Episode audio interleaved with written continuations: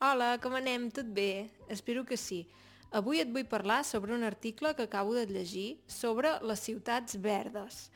Uh, què són les ciutats verdes, primer de tot? Uh, les ciutats verdes són aquelles ciutats en què hi ha molts espais verds, en què hi ha més natura, uh, més arbres, més parcs, etc. I mm, jo sempre havia pensat que els espais verds eren molt positius o que només tenien aspectes positius i en aquest article es parla sobre el fet que les ciutats verdes promouen la gentrificació i les desigualtats. M'ha semblat interessant perquè mai hi havia pensat i res, moltes gràcies als meus Patreons i als que em doneu suport a Ko-Fi i si ja estàs a punt, som-hi!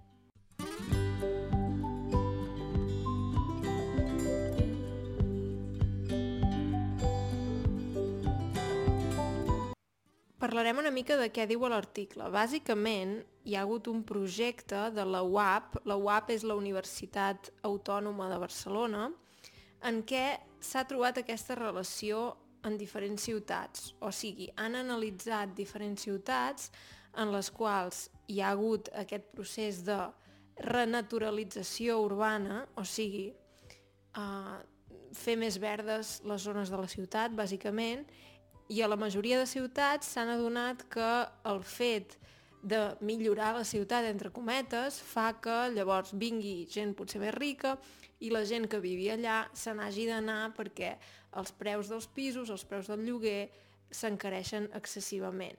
Això és el que se'n diu la gentrificació, quan bàsicament si tu has viscut a un lloc i aquest lloc millora i et veus obligat a marxar-ne. De vegades es parla també d'aquest fet a Barcelona, es diu que potser hi ha gent adulta, soltera, que no pot viure sola perquè és massa car o gent que es veu obligada a anar-se'n a una altra ciutat. I sí, a mi personalment, a mi m'encanta la natura i m'ha sorprès aquest article perquè mai havia pensat en aquesta perspectiva.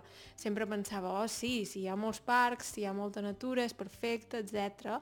Però clar, també té aquest, aquest punt de fet, jo quan pensava en el tema de la gentrificació, pensava sobretot més en el turisme, perquè hi ha molts pisos de lloguer per a turistes que han fet que els pisos de lloguer siguin més cars o que hi hagi llocs molt especials, molt bonics, en què ja no hi visqui gent del lloc, sinó que només hi viuen els turistes durant uns dies o durant unes setmanes, no?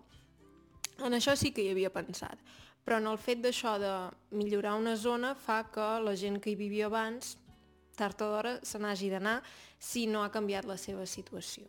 Uh, per exemple, aquí diu uh, un projecte de la UAP relaciona la renaturalització urbana i els processos d'expulsió de les classes populars a 28 ciutats. O sigui, que han analitzat 28 ciutats. Um, I diu, per exemple, les anomenades ciutats verdes, que han engegat processos de naturalització urbana, promouen la gentrificació i l'augment de les desigualtats socials i climàtiques. Així ho conclou un projecte de l'Institut de Ciència i Tecnologia Ambientals de la Universitat Autònoma de Barcelona. Sí, Uh, podeu llegir tot l'article, només en veurem una part, però sí, diu que la gentrificació verda està expulsant les classes populars i els col·lectius més vulnerables, excloent-los. Sí.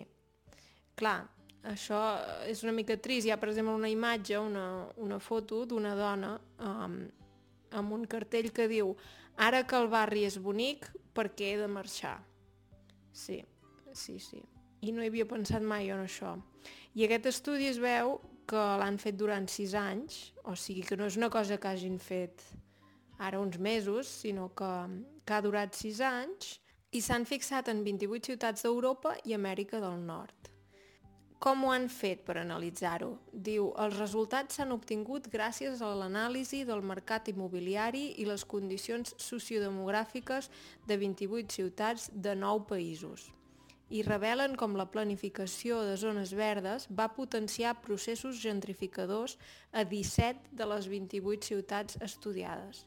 O sigui que no són totes les ciutats on ha passat això, però 17 de 28, clar, ja és més de la meitat, és més d'un 50%, i déu nhi I una cosa que potser també és interessant és com s'ha fet aquest estudi, d'on surt l'inversió I en aquest cas, per exemple, diu el projecte amb una subvenció d'un milió i mig d'euros del Consell Europeu d'Investigació ha analitzat la gentrificació verda i l'ha dividit en tres tipus, principal, integrada i subsidiària.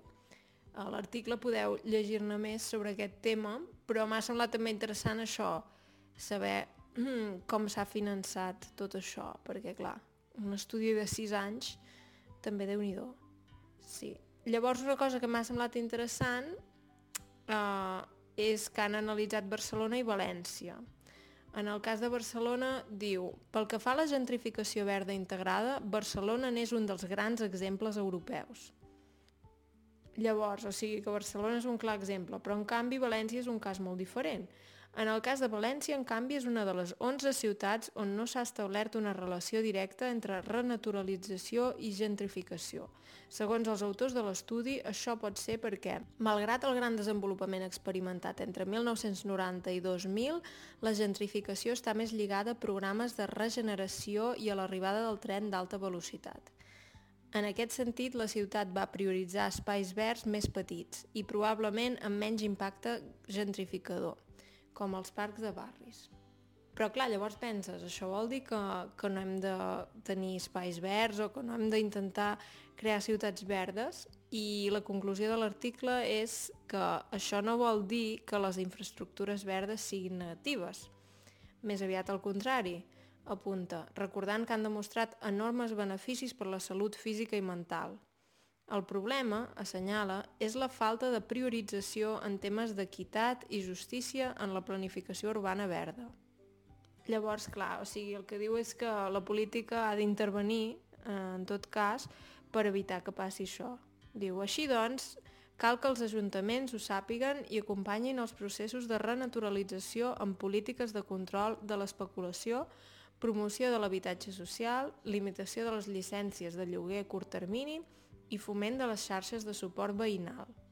Sí, crec que és un article que està bé, és un tema interessant i si en voleu saber més podeu llegir l'article, us el deixaré a la descripció. Espero que hagi sigut un tema interessant i si teniu cap més idea ja ho sabeu. Moltes gràcies, fins ben aviat, adeu!